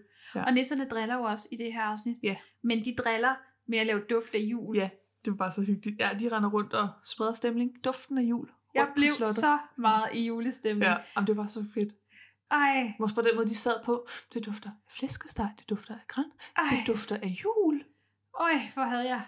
Uh, det duftede af jul. Det gjorde det. det. Hele vejen igennem ud til skærmen. Jamen, for pokker, hvor var det godt. Og så har de alle sammen duftet and og flæskesteg. Og hvad skal de så have til aftensmad? Medister. Fy for pyferen, hvor Ja. var jeg blevet skuffet. Men var de, er de ikke også stadig på sultekur? Jo, det er jo en medister. Men, Mm. ja. Ja. ja. Det var det. Herr Mortensen, om jeg må bede. Det er da lige meget med det her. Nej, det er det ikke. Jeg er en ældre nisse med en vis stil. Jeg hedder Herr Mortensen. Man må holde på formerne. Afsnit 7. Astralius, han forsøger at lave guld. Og det gør han nu med en sang. Og den sang var jeg pissred for, da jeg var lille. Jeg synes, den var uhyggelig. Ja, jeg fik sådan lidt... Først så fik jeg øh, sådan en følelse af genkendelse. Og det Ja. kan godt være, fordi jeg har hørt den før. Men jeg ved ikke, om det var fordi, jeg selvfølgelig gav mig sådan lidt Aladdin-vibes. Lidt, den er jo sådan lidt mystisk. Ja. Ej, jeg er skræmt for den. Altså. Nå, men det lykkes ikke for ham. Magnum han kommer hjem til øh, Nissebo og er helt høj, fordi for det første har han været ude og sprede julestemning, men juletræet ankommer også. Ja. Og det er åbenbart sådan en ting. Juletræet ankommer til gårdspladsen, og det bliver sat op, og det bliver pyntet, og når juletræet ankommer, så skal soldaterne åbenbart danse. Der, er en koordineret soldater dans til juletræsopsætning. Og det synes jeg jo er dedikation. Det synes jeg ikke, man ser nok af. Det burde vi jo også have. Altså, for pokker da. Helt ærligt. Og der har vi en meget fin scene, hvor hoffet ligesom kommer ud og kigger på, hvordan at alle dem, der bor i landsbyen, er glade for juletræet. Og Mia Maja, hun står og stråler, og hun smiler, og Valentin kigger på hende gennem gårdspladsen og bare, ej, hvor er hun sød. -agtig. Hun ser også smuk ud, Det gør hun hun. står der i sit samme kostume, men meget prinsesseagtig. Rapsen Fuchs, han holder skarpt øje med Astralius. Og Astralius, han kan åbenbart godt lave platin, men ja. han kan ikke lave guld. Nej, og platin, var det et Det er bare et affaldsprodukt. Ja, produkt. Ja, men Astralius, han er sådan den her, han er en lidt diffus type. Oh. Så han går rundt og diffuser den, og der putter Rapsenfuchs noget ned i gryden. Det siger kling. Ja. Da øh, Astralius kigger væk. På slottet, der vil Sysmund gerne vide, hvad Valentin han fodrer Gregers, siden den eneste, der kan fodre Gregers, er Valentin. Men Valentin siger, at han har svoret, at ingen må se det, men de må da godt smage, hvis det er. Sysmund, han vil ikke smage. Valentin siger, at Gregers er ved at være rask, for ellers kunne den ikke lægge så mange æg. Så Gregers er en dame. Apparently. Vi har sådan en lidt spøj scene, hvor at kongen han sidder og fisker ud af et vindue i voldgraven, men han er faldet i søvn. Øh, Og han kan ikke se sin egen line. Og så vågner han og tror, han har fået noget på snø- øh, snøren. Ja. Det har han ikke. Den er bare frosset til. Og det er ligesom Valentin, der må sige til kongen, jeg tror, det du har fået på er is. Mens Valentin snakker med kongen, så kommer Mia Maja og Sibbe gående, og Valentin siger, at han har vagtlæg, og til det svarer Mia Maja, at så bliver nisserne glade. Valentin siger, at han tror ikke rigtigt på nisser, og Mia Maja siger, at hvis man ikke tror på dem, så findes de ikke. Her til svar Valentin så, at hvis de ikke findes, så spiser de jo heller ikke vagtlæg. Astralius han kommer løbende og fortæller, at han har lavet guld. Og det fortæller han til greven og til kongen mm. og til Fedorica. Problemet er bare, at han ved ikke, hvordan han gjorde. Nej. Og det ved vi jo så også, at det har han ikke. Nej, det var greven, der lige så fint smed en, en guldmønt ned. Ja. Jeg er nødt til gengæld lige at tænke, da han kommer løbende op. Vi går ud fra, at hans laboratorium ligger nede i kælderen. Ja. Han har bare sådan en røgsky efter sig. Han kan ikke være den fedeste at have inde på slottet-agtigt, hvis han har taget det der røg med sådan hele vejen. Men det er jo lidt ligesom at sidde i kontorfællesskab med ryger. Sat. Ikke rart. Mia Maja, hun tager Valentin med op på loftet, sammen med vagtelæggene. Mm. Og der står nisserne igen og kigger ned på dem, og der siger Mirko, at det er tydeligt, at Valentin er fra Montania. Han ligner en fra Montania. Ja. Valentin han fortæller os Mia Maja, at han er nødt til at rejse væk et par dage for at tjekke snare og fælder. Mia Maja spørger, og hvor Valentin kommer fra, og han svarer bare "Mm, fra skoven. Mens de sidder og snakker, så er æggene pludselig væk. Valentin siger, at det nok er katten, der ja. har taget æggene. Mia Maja, hun spørger lettere sarkastisk om, katte spiser æg, der hvor Valentin kommer fra. Det er et super sødt øjeblik for de to. Hvad jeg virkelig godt kan lide, fordi vi skal jo vi skal købe deres ja. romance, det er, at de faktisk har ret mange samtaler. Men jeg køber også deres romance. Det gør jeg virkelig. Altså, taget i betragtning af, de to julekalender, vi har set før det her, jeg mener, vi er kun på afsnit 7, Mhm. men de her, de snakker faktisk sammen. De snakker faktisk sammen. Og de har deres flirting game on. On. Altså, on. Det altså, han. Valentin han bliver spillet af Jens Sacco Borge. Og der er bare, mellem Valentin og Mia Maja, der er bare så meget kemi. Mm. Der er så meget kemi, men der er også noget alder. Altså, de, Ja. de er ældre end det, de spiller. Men der bliver bare lagt det her sådan lag af, ui, det... Men jeg tror også bare, det gør så meget for rollen, at de så er ældre, ja. end det, de spiller. Altså. Ja, men jeg er helt enig. Jeg, jeg, jeg køber den. Jeg Mhm. køber dem. Ja. 100. Ja. Jeg køber ikke helt, hvad det er, han allerede nu har besluttet sig for, at han skal hjem. Nej, men... Mm, ja. Men, men de, deres historie, ja. Det var bare katten. De små, dem hører man ikke. Hvor små er de egentlig? De små. De er cirka halvt så store, som vi er. Og usynlige. Ikke hvis man kan se dem. Det tror jeg ikke, jeg kan. Det kan vi vist ikke der, hvor jeg kommer fra.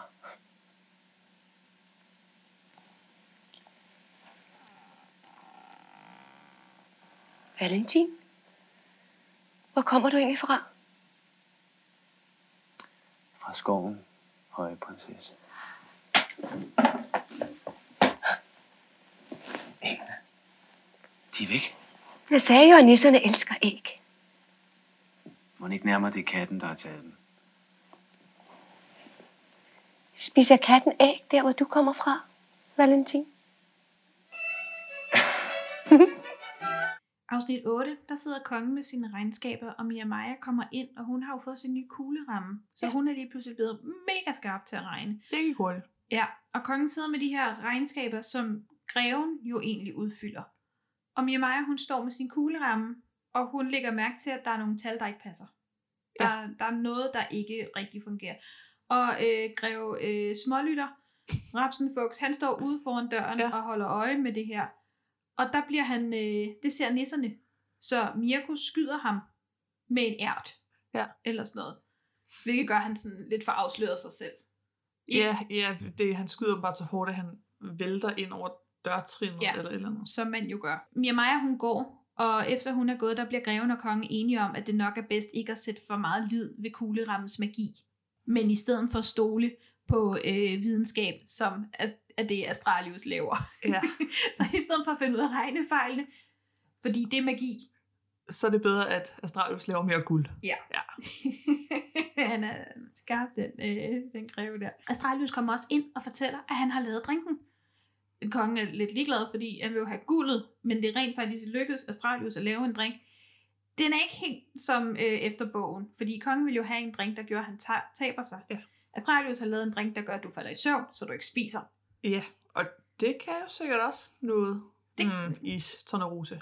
Derhen af. Ja. Men kong Hansen, det gider jeg ikke. Få lige lavet det guld. Grev Rapsenfuchs, han tager miksturen øh, og prøver at få Jux til at overbevise Mia Maja om, at hun skal drikke den. For alle kvinder vil jo gerne tabe sig og være tynde om livet og have store runde. Og, og så stopper han sig selv. Ja, jeg var sådan lidt, oh, wow, that took a turn. Han mig lider lille lige der. den gik et helt andet sted hen lige i et par minutter. Ja, det gjorde ret godt. og inde øh, i et af kamrene, der, øh, der står Sibbe og bliver målt af livet om Sysmund, øh, og hun er 21 tommer, og Mia Maja kalder hende for tyk. Er sådan, okay. Ja, det var sådan lige... Den, den var ikke gået i dag. Skal det forestille en talje? Øh, okay. Fordi så bliver Mia Maja nemlig selv målt, og hun er så 20 tommer og en kvart. Ja, okay. Ja, der var ikke stor forskel, var. Nej, Fedorika, hun stopper det der med det samme, for det er ikke passende. Mm. Men hun tager så målebåndet, og så fanger man hende i senere selv at stå og måle sig lidt. Ja. Og der støder hun på Junker Jux, og som kommer gående med den her drink, som han siger, han skal give til Mia Maja, fordi man, at det er for at tabe sig. Og så siger Fedorika, den skal jeg nok tage. Så hun tager den. Og Junker Jux er jo Junker Jux, og han gør ikke noget ved det. Så hun drikker den. Hvilket gør, at hun bliver meget diffus lige pludselig, Tante Fedorika, og ingen kan finde hende. Så hun ender med at gå rundt i sådan en søvntilstand nede ved voldgraven. Og lige ved at gå ud i voldgraven, og ingen tør vække hende, fordi det kunne være, hvis de vækkede hende, at hun faldt i. Ja. Så hun går ud på broen, og det ser nisserne så. Og Fimpe, han skyder så en ært på Tante Fedorikas glas, som hun går med. Ja, og så får hende til at vende om, åbenbart. Ding! Og hun står på det her ene bræt ja. på den der badebro. Ja, mens Fedorika, hun render rundt der og går rundt i sin tog, der, der er der ikke nogen, som sagt, der kan finde hende, så de sender hele paladset ud for at lede efter hende, og det larmer helt vildt, og der bliver nisserne bange, hvor til at øh, mor Trisse siger til øh, Fimpe, som sidder og laver sådan barnegråd-agtigt, kom i din mors skørter. Det har jeg misset. har hun sagt det? Ja, det sagde hun. Det er et godt afsnit, det her. Åh, oh, nej. ja. Ej, nå. Men så, jeg tror, du sprang det over. Det var fordi, uh, øhm, de, Mia Maja står indenfra og kan se Tante Fedorika. Oh, ja. ja. Kom gående der mod badebroen, og står ved siden af Valentin, og så lige pludselig, så ligger hun sin hånd på hans. Ja, fordi de står begge to i vinduet. Ja, sådan lidt, hvad sker der? Og så, Jeg er så bange. Jeg må Ja. tage din hånd. Agtig. Ja, det... det, var, det var godt. Det var en lille, lille hand touch. A little bit of touching. Ja, fordi øh, han er ikke gået endnu. Han var lige op med noget mad til Gregers. Ja. Men så skal han også rejse. Og det er sådan set det afsnit. Fedorika, mm. hun ligger sig til at sove. Altså, de, de, de får Ja. taget hende, efter hun er på vej væk fra broen. Afsnit 9 starter med, at Fedorika, hun ligger og sover, og der er ikke nogen, der kan vække hende. Sysmund foreslår, at et kys måske kan vække Fedorika, ligesom i eventyrene. Kongen, han går lidt frem og tilbage og sådan, jeg kan da godt prøve, men jeg tror ikke rigtig, det hjælper, når det er ens bror. sådan, så han giver hende et kys på panden, og han siger, det kunne jo være, det hjælper. Jeg har jo været prins en gang. Hvilket er sjovt. Ja. Han er konge. Nå, okay. Men det hjalp ikke.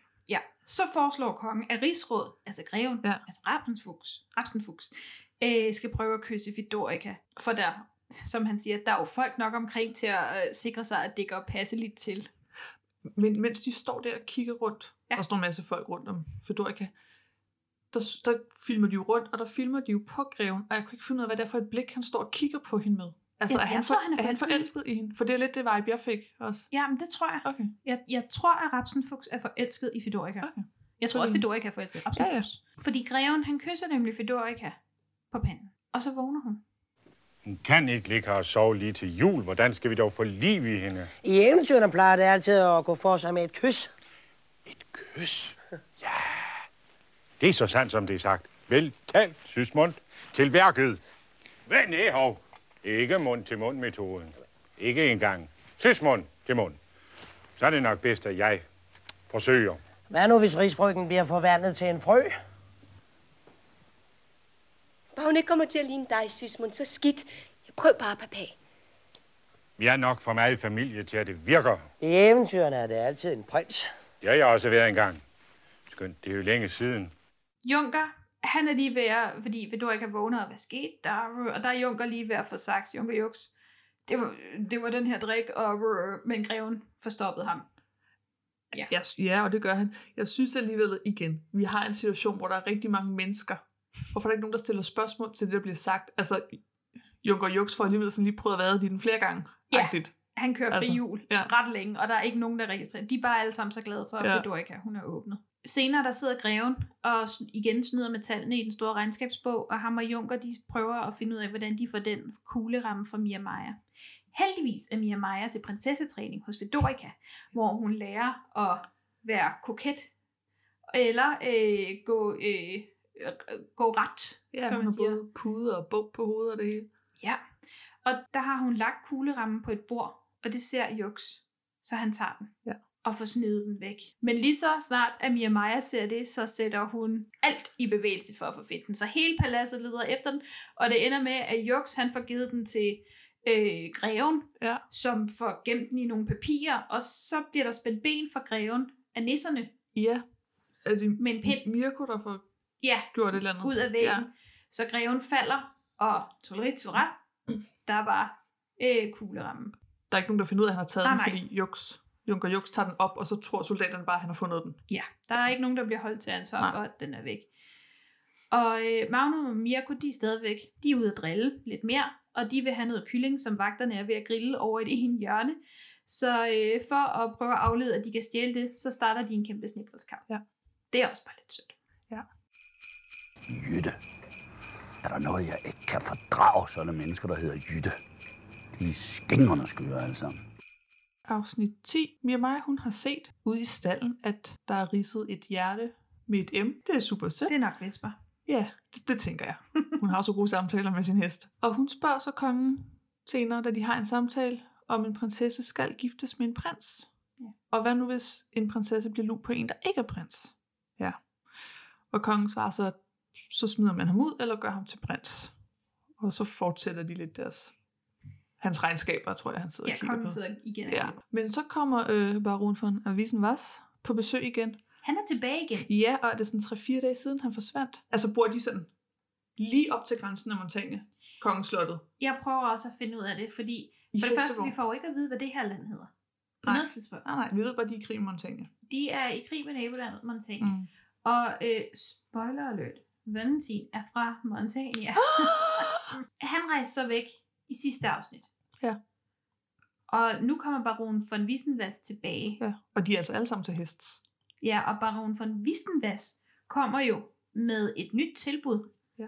som nogen jo er kommet til Montagna og har har fremsagt. Ja. Der har jo ikke- været mange timers rejse. De kan selvfølgelig have mødtes på halvvejen, men igen, så skulle baron von Wissenwas have et andet ærne at tage til Montagne for alligevel. Nej, tag til. Nå ja, ja, hvor, hvor, hvor vi nu er. Ja. Det, det er lidt udefinerbart, Ja. hvor langt væk det er. Han kommer, kongen ser ham, vil ikke helt snakke med ham. Så han siger, at det må rigsrådet tage sig af, øh, tage imod Wissenwas, fordi øh, de må sige, at han er syg eller på harjagt. Mm-hmm. Eller andet. Den er syg, dårlig, upasselig og på harjagt. Ja. Og det hele på én gang. Ja. Øhm, baronen vil dog ikke helt spidse sig af med den besked, han lidt, det er fint. Jeg kan godt vente på, at kongen er klar. Og greven foreslår Fedorika, at hun selv kan tage imod baronen, men hun siger, med greven ved sin side, men hun siger, at det er kongen, der gør det. Det gør vi ikke. Nej, Men greven, han er sådan meget, det kunne være dig Ja. og mig. Mig. Ja. Sammen. Sammen. Altså dig og så mig ved din side. Ja. ja. Men det skal være kongen, der tager imod ham. Han ligger til gengæld i sengen, og Sysmund kommer gående ned ad gangen med hans kappe og hans krone. Og greven ser det og tager det hele og sender ham ind til gestanten for at høre, om han skal mm. have noget at spise eller andet. Og så prøver han selv lige kappen Mm. og kronen for gangen foran et spejl. Så kommer, jeg ved så ikke, hvor Sysmund forsvandt hen, fordi så kommer baronen ud på gangen og overrasker ham. Han tror, det er kongen. Så vender greven sig om, og kronen falder ned om halsen på ham, fordi den er for stor. Det hoved er jo ikke stort nok. Nej. Hvor til greven svarer, om for i tid vil den passe med deres hjælp, håber jeg. Hvor til Fedorika så, Fedorika så kommer forbi, tager kronen ud af hånden på greven og går ind og hiver kongen ud af sengen. Ja, Fedorika, hun er sådan meget, nu står du op Ja. til kongen. Men fedt, at hun også bare sådan, må selvfølgelig vælge sin kampe, men bare acceptere, at han står, greven står ude på gangen med karpe og krone. Ja, hun virker ikke særlig glad for det, men alligevel så... Men, men det er ikke noget, hun lige adresserer, i hvert fald. Endnu en gang har baronen medbragt en stor kage, som hoffet får sat til livs. Øhm, og mens de sidder og spiser kagen, kommer baronen så med den alternative løsning, at hvis blot prinsesse Mia Maja gifter sig med Montanes prins inden jul, vil krigsskadeerstatningen ligesom forsvinde. Mm. Være betalt. Her synes jeg også, at kongen er den fornuftige og spørger Fedorika, om hun tror, Mia Maja overhovedet har lyst til at blive gift. Ja. Øhm, og oven i købet med en, hun ikke kender, hvor det så er Fedorika, der siger, det er vel det, man har prinsesser til. Det er så stridt. I mit hoved burde det jo egentlig være omvendt. Altså fordi det er kongen, der siger, det skal du bare, og hende, der siger, ah. Ah, det er nok en god idé. Øh, lidt søsterlig kærlighed her. Ja. Altså, det, øh, ja, det, det er Fedorika, der ligesom får trumfet det Ja. igennem. Kongen siger, at de gerne vil tænke over tilbuddet natten over og spørger, om baronen ikke vil blive, men nisserne har drillet ham igen. Så han smutter. Ja, fordi han er jo bange for dem. Ja. Det er derfor, han har forbudt dem. Ja. Bliver det gjort tydeligt i det her afsnit, at Rapsenfuchs og Wissenvas arbejder sammen? Fordi når... Altså det eneste, man rigtig får, det er jo altså den der interaktion. Ja, altså jeg tror, man ser i starten, når baronen kommer, der ser man greven undre sig, fordi han ved ikke, hvorfor han kommer nu. Ja. Agtig hans lidt, det tror jeg ikke, altså... Det har vi ikke rigtig aftalt. Nej, hvad sker der nu? Jeg tror ikke rigtig, man får andet end den der interaktion ude på gangen. Høje majestæt, med hjertens glæde og fornøjelse ser jeg ellers ud mod...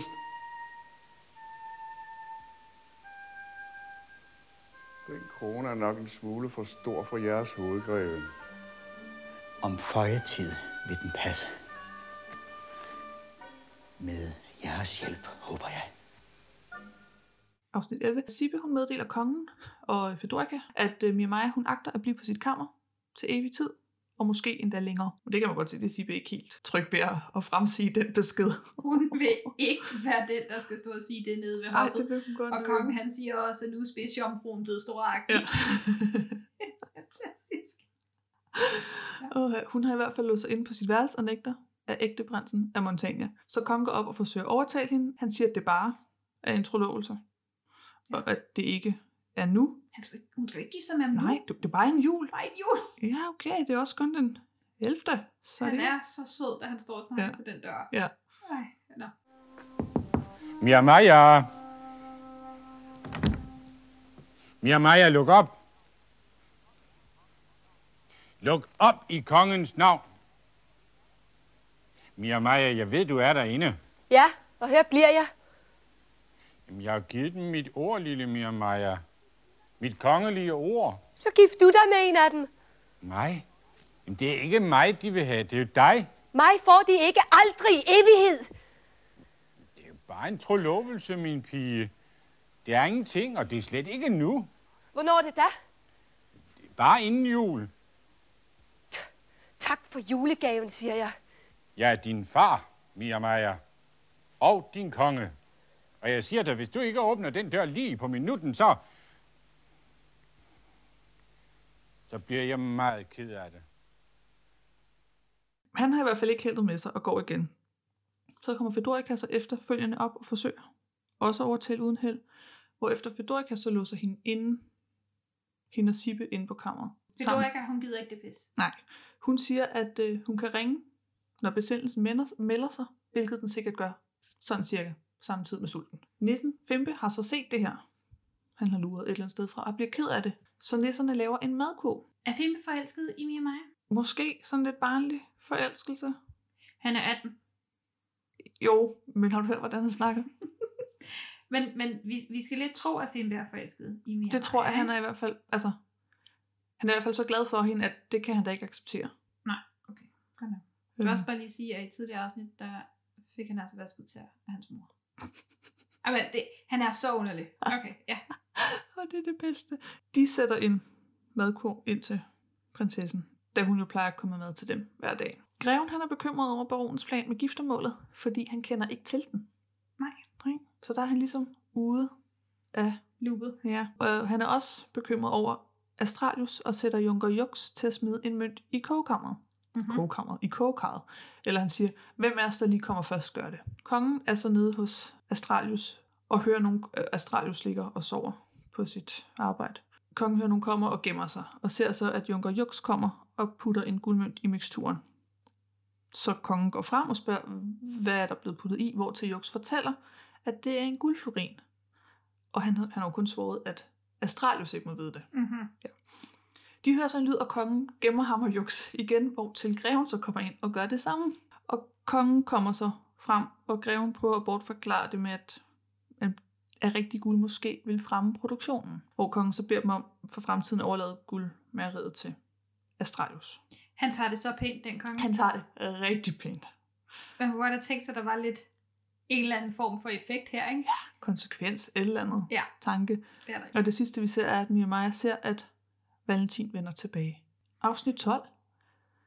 Der øh, laver Fempe mere mad til prinsesse Mia Maja. Fimpe, han står og laver mad, og det bliver de andre nisser sådan lidt underlige over. Han står og bager Fimpe, fordi... Ja, de vågner til, at han bager. Ja, for der er jo ikke mere mel. Og så siger Fimpe, at han har taget det, det er, fordi det er prinsessens mel. Og så siger Magnum, du må godt drille, men ikke nuppe. Og så siger Fimpe, men hvis det er mel, der bliver brugt til at bage til prinsessen, så er det vel ikke at nuppe. Og så synes de altså, at det er fedt. Ja. Og så laver øh, de et hjerte, det passer ikke i, i sangen bag din kagemand, men det der kommer til Mia Maja, det er et hjerte med øh, et meget grimt M skrevet på. Altså betragtning af, at de egentlig ved, de er to derinde. Ja, fordi Sibbe sidder jo låst inde sammen med Mia Maja. Så det, er ikke, så det er bare det ene stykke brød, de får. Men Ja, men da de fik mad tidligere, så var det jo sådan en, en kurv med ja. boller. Igen, en bolle i menneskestørrelse. du mener, den har været, altså, den har været stor bag for dem. Hold nu op. Ja, ja. Men Sibbe, hun tør jo ikke rigtig spise det. Nej, det nej, men det er også fordi, at den bliver sådan, det der kurv, den bliver leveret i et skab. Ja, sådan et lille sengebordsskab, meget lille. Ja. Ja, og som ryster helt mærkeligt, når nisserne sætter det ind fra væggen af. Eller... Men Mia Maja kommenterer jo også på hjertet. Et ja. hjerte med et M, og så står Sibbe og kigger på hende, så siger hun, det er sådan lidt barnlig håndskrift Ja. for en jæger, ikke? Ej, altså Sibbe, øh, nej. Snakker du nu om? Ja, det troede jeg da overhovedet ikke. Og så bliver Fimpe ked af det på den anden Ja. side af væggen. Kongen han forsøger at få Mia Maja ned til morgenmaden igen, så de kan tale om hendes fremtid. Øhm, Hun nægter stadig, men siger, at han kan bringe hende øh, Grækker op til selskabet. Ja, altså hendes fugl. Ja. Kongen spørger, men Mia Maja, hvordan kan det dog være, at du har lyst dig selv derinde udefra? Oh, lille far. Ja. ja. Nå. Så kongen kommer op med fuglen og sysmund og morgenmad, fordi mm. han kan ikke bære det hele selv, øh, og forsøger igen at få lov til at komme ind og snakke med hende, men hun vil ikke, da hun ikke vil gifte bort til en fremmed prins for en tynde guld. Mhm. Øh, og han siger, at det ikke er en tynde guld, der pranges om, men det halve kongerige, måske det hele. Ja. ja. Og så går han. Mia Maja, hun går ud, ved ikke, hvornår døren er blevet låst op. Fordi Sismund står nu med fugl i, i fu- fugl i bur i den ene hånd, og fad med mad i den anden hånd. Men Mia hun åbner døren, går ud, tager fuglen og mad og fra Sysmund. Jeg tror, kongen finder ud af, at han godt kan låse døren op, men han må ikke komme ind, Så fordi de er nøgne, siger de. Nå, er det rigtigt, så han har bare låst den op. Ja. ja. Hun tager i hvert fald tingene og smutter igen. Ja. Sender Sysmund væk. Greve Rapsenfuchs kan stadig gennemskue, hvorfor Montania pludselig vil slå en streg over det hele, hvis de gifter prinsessen væk inden jul, så han får den idé at afskaffe julen og skynder sig hen til kongen. Her fremlægger han så sit forslag og siger, at alle deres trængsler, så de vil ligesom forsvinde, hvis vi afskaffer julen, fordi så behøver prinsessen ikke gifte sig, og de skal ikke betale krigsskadeerstatning, fordi der er jo ligesom, så tidsgrænsen jo ligesom bare væk. Fedorica kalder jo greven et geni, så er der jo sikkert heller ikke jul i Montania, vel? Øhm, og kongen han skynder sig at skrive under på et dokument, greven har udarbejdet over det der lovforslag. Valentin er så også kommet tilbage fra sin rejse og får lov til at komme ind i prinsessens kammer. Jamen, han at se kommer jo til gående igennem slottet og kigger lidt rundt, og kan jo hverken finde Mia Maja eller Gregor. Han går og fløjter Ja. og møder Sysmund, som er sådan, øh, prinsessen hun er eddermane med et mood. Hende gider du ikke snakke med, hvor at øh, Valentin sådan, jo det vil jeg. Så han går op til døren og banker på, eller ja. på en eller anden måde. Og Sibbe åbner sig, men Valentin tror, det er Mia Maja, så han giver hende bare det største smil, Ja. indtil han det Sibbe. Og så, nå. Nå. Men øh, skal jeg lige gå ind og kigge til fuglen? Ja. Ja, og fordi jeg har skrevet, de får da godt nok skruet op for fløten. De mega flytter over den fugl. Det gør de bare. Valentin, han siger et eller andet med, øh, Nå, men i det mindste er der der en, der har savnet mig, kan man høre på fuglen, eller sådan. Og øh, ja, Maja svarer med, det er ingen kunst at blive begæret, når man har lommen fuld af lokkemad. Ja, og det er så godt. De er skide godt. Valentin, er du allerede tilbage? Besynderligt, det kommer mig for, som var du netop rejst. Stille, Gregor. Behersk dig dog. Jeg lod min hest strække ud det bedste, den kunne. At jeg ikke skulle savnes for længe. Savnes? Af hvem dog? En er der i det mindste, der vandsmægter efter min tilbagekomst. Det er ingen kunst at blive begæret, når man har lommen fuld af lokkemad. Ja. Og mens de står der og flytter away, så kommer kongen løbende. For at fortælle alle deres kvaler over, øh, da han har afskaffet julen ved lov. Øh, det bliver aldrig jul igen, så hun behøver ikke gifte sig. Og mens han kommer ind, og de har den, den der samtale, så er Valentin på vej ud af døren, og der kan man godt se, at han sådan lidt kigger efter dem. Sådan lidt. Der sker lige noget ændring i Det ansigtsudtrykket. er så godt Ja. filmet, fordi for dem, der ikke ved, hvem Valentin er, så virker det som om, at han er ked af at få at vide, at Mia Maja skal giftes. Ja. Altså, han skal giftes, hun skal giftes væk. Men, Men når det- det... man ved, hvem Valentin er, så virker det som om, at han er oprigtig ked af det, kongen Ja. siger.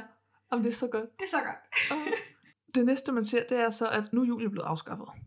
Så greven og Junker Jux, de står og ser ned i Slottsskoven og ser, at juletræet bliver taget ned. Mm-hmm. Og mens de står og har den samtale, så fortæller greven Jux, at planen nu er, at Montagna heller ikke får nogen julegave i form af betaling eller prinsesse.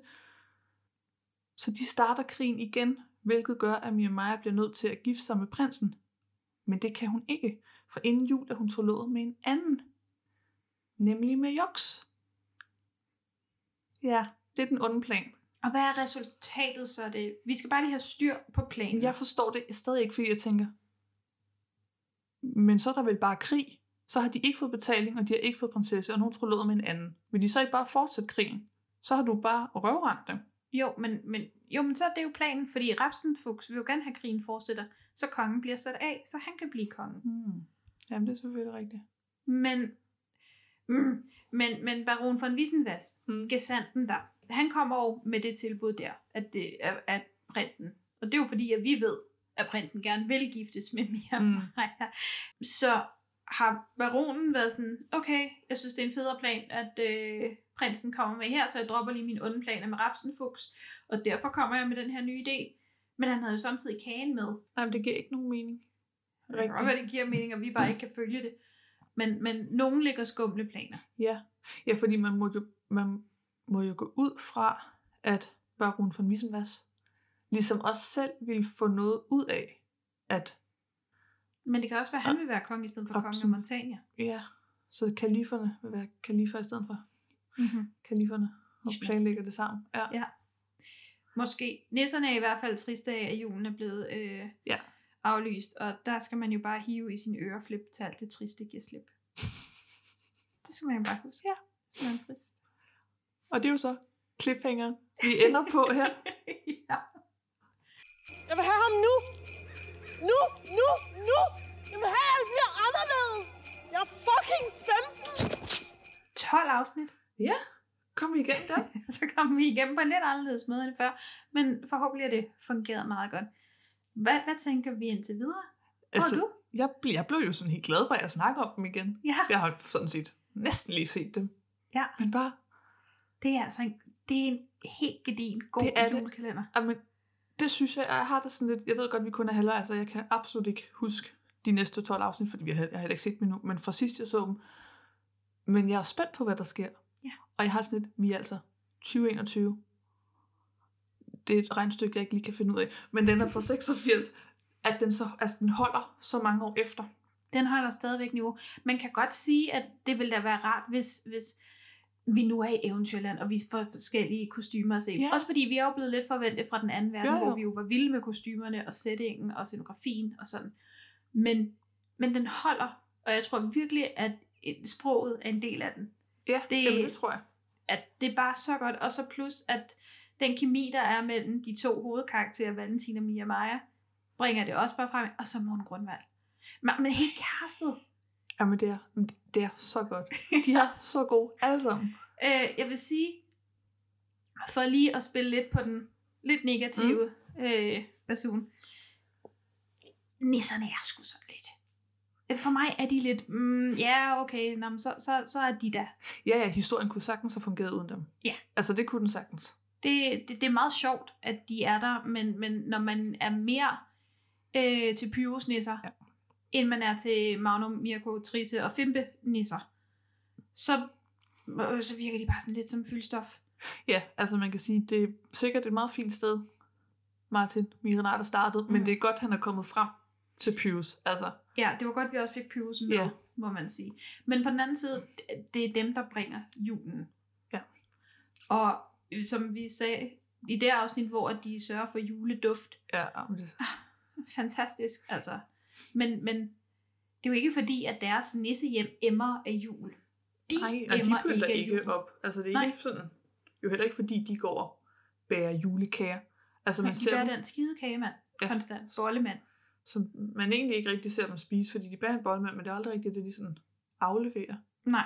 Altså jeg vil sige, at de er søde, og jeg er er ret de. vild med, hvordan de bliver spillet. Jeg kan ikke lide Fimpe. Jeg synes, han er, Ej, han er flæbende irriterende. Men, men det er jo ikke, det er jo ikke hans skyld. Og det er jo heller ikke skuespillerens skyld. Nej, nej, det er bare Ja. sådan, han er skrevet. Men altså på den måde træk, han heldigvis ikke så vigtig en karakter for sådan hele julekalenderen. Ja, nu i hvert fald. Nej, nej. Øh, og Testrup, han er skøn. Han er sød som Magnum. Han, Magnum er en dejlig nisse. Det er meget sødt. Øh, det fik vi ikke sagt. men der, på et afsnit, der har han tabt sig lidt. Og det er han reelt rigtig ked af. Han kan faktisk ikke forstå, at han kan lukke bukserne, for det plejer han ikke at kunne. Nej. Så øh, mor Trisse tilbyder, at hun kan jo sy bukserne lidt ind, så han igen ikke kan lukke dem. og det vil han gerne. Og det er jo sødt. Det er, det er noget sødt frem og tilbage. Det, det er nok nisseagtigt. Men jeg tænker også, altså nu, nu sidder vi her uden Maria, og det, vi mangler lidt hendes... Take. Jeg er ikke, jeg er ikke så glad for romantik ja. take her. Så vi to er meget, hej, det er prinsesser, og det er prinser, og det er kærlighed og alt muligt andet. Men jeg vil stadigvæk holde på, at vi ser to hovedkarakterer, der får lov til at snakke sammen. Ja. De, de har samtaler, og han hjælper hende til at blive bedre til at regne. Han vil gerne have, at hun bliver bedre. Ja. Jeg vil godt slå på creeper-alarmen og sige, det er nederen. Det er nederen, det han gør. Jo, jo. Altså det er det, og man kan også sige, jeg forstår det jo ikke helt. Nu ved vi jo godt, hvem han er, men det der med, hvor, hvorfor kommer du overhovedet fra starten? Altså hvad har din plan været? Spoiler lidt. Fra starten af. Valentin er prinsen af Montana, hvis det ikke lige var gjort tydeligt. Nå, men vi kan jo ikke snakke om det uden at kan sige ikke det. spoile det i det her afsnit. Men ja, men det er jo sådan lidt, fordi så kan man jo godt tage creeper alarmen. Vidste hun, hvem, altså var det din plan fra starten, eller kom du for at se hende anden? Ja. Og så har du tænkt, okay, hold kæft, hun er lækker, nu skal jeg lige hjem og få dem til at lave planen om, fordi jeg skal giftes. Altså det er sådan lidt, mm, Han, han holder hende jo for nar. Han er, Det gør han han. er sød i det, og han hjælper hende, og han, han tager hende ikke for sådan en eller anden øh, pynteprinsesse. Han vil have, at hun lærer at regne. Han vil have, at Ja. hun ser, hvis der er fejl i regnskaberne. Han støtter hende i det, hun vil, men er alligevel et ret godt modspil. ja, altså de, de ligger sådan meget fint Ja. intelligensniveau, så hun kan spille ham ud. De kan, ja, de kan, Kan spille spille hinanden ud. Mm, det kan hun også. Sikkert. De kan øh, spille hinanden ud mod hinanden. Altså sådan Ja, det, de to, på intelligensniveauet. Derfor køber jeg den. Ja. Jeg synes, at jeg, mm, det er ikke fedt, men, men historien havde ikke været der, hvis ikke han gjorde det, han gjorde. Nej. Og man må sige, hvis vi går med eventyret, så nej, nej, så skal prinser ikke kende prinsesser i særlig mange dage, apparently, før at de bare sådan, men jeg kan da gifte mig. Ja, det kan jeg da. Jeg kan da altid blive skilt, eller? Nej, det tror jeg ikke, man tænkte dengang. Nej, det gør man nok ikke. Det er jo så længe siden, at ingen kan huske det. Det er jo det. Så dufter det af jul indtil videre. Ja. Det synes jeg. Altså, nu bliver jeg ligesom pludselig i tvivl, da du sagde det, fordi jeg tænkte, det er bare en super sød historie. Men ja, det synes jeg. Lidt. Hvorfor? Der er lidt jul. Men bare fordi, øh, mest egentlig på grund af nisserne, som så ikke er så nisset, og, og den julestemning, de spreder, men det er ikke engang fordi, der er sådan super julepyntet på slottet. Nej, men jeg kunne da Men mærke der- i det her afsnit, Ja. hvor de så besluttede sig for, at det ikke skal være Ja, der, her. altså det var sådan helt, kan det ikke fjerne julen, da de begyndte at afpynte? Ja. ja. det var jeg ikke tilfreds med. Nej, det dufter af jul, Det dufter men, men ikke sådan, Ikke sådan, du får det kastet i hovedet. ikke altså, Josefine-agtigt med familiehygge julen Mhm. og sådan, men, men der er nogle mennesker, der sætter pris på julen. Der er dans omkring et juletræ. Der er sne. Altså, vi, vi arbejder hen imod det. Ja, ja, ja der er risengrøden til nisserne. Altså, vi ser sådan en Ja. gang imellem. Det- sat op, og Og så decembersangen og Ja. sådan noget. Altså, det, jo, det, det dufter ja, lidt af jul. det gør det. Han lugter lidt af jul. Jeg bliver altså også bare lige nødt til at tilføje, hvor godt den er skruet sammen. Hvert afsnit starter jo med et lille recap af, hvad Ja. der er sket tidligere.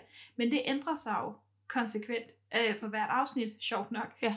Men vi ser altid et billede af hoffet, der står sammen. Ja, de, de sidder, eller sådan står, som om de er klar til, at der er nogen, der maler deres portræt. Lige præcis, men alt efter hvad der bliver fortalt, Ja, så er der skiftet, hvad hedder det, menneskerne skiftet ud. Jamen, så, så kigger de Nå, forskellige ja. steder hen og ned på hinanden, og på et tidspunkt der, hvor at, øh, der bliver fortalt, at Mia Maja, hun blev sur og gik op i mm. så rejser hun sig og går. Men altså, det er jo fantastisk, ja. at man har taget sig tid til at lave de her introer. Øj, jeg er, jeg er tosset med det. Ja, ja det er virkelig godt. Det, øh, historien er kom si kom sa. Vi ved jo alle sammen Ja. godt, hvor det fører hen, og den er lidt svær at, at finde hoved i, hvorfor det hele skal være så svært. Men der er nogle skuespilspræstationer, der virkelig bærer den igennem. Og, og det er der. Altså, også bare, man har taget sig tiden til ja. det hele. Enig. Helt ja. enig.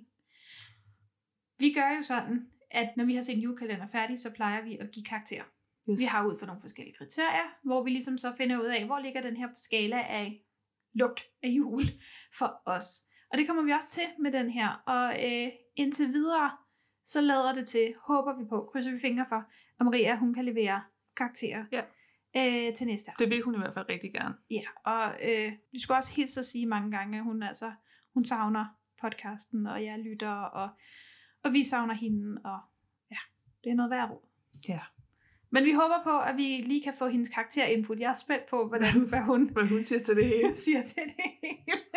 det er måske ikke helt så rosenrødt, som vi... Vi ved, hun elsker Grundvald, og vi ved, Ja. hun elsker Testrup. Ja, og så det er faktisk, altså, det, den er der allerede, ikke? Ja, men der er virkelig nogle gode skuespillere. Hvis der er noget, altså. hun godt kan lide, så er det gamle sjove mænd. Ja. og der bonger den altså ud her. Det gør den. Vi savner dig, Maria. Lina og jeg, vi laver et afsnit til med jul på slottet. De Men- sidste. 12 afsnit, ja. Ja, så vi, øh, vi høres ved. Tak for den her gang. Det gør vi. Tak for den her gang. Hej. Anorium, stellarium, quisido, calorius, acceleratum, deceleratum. Bum.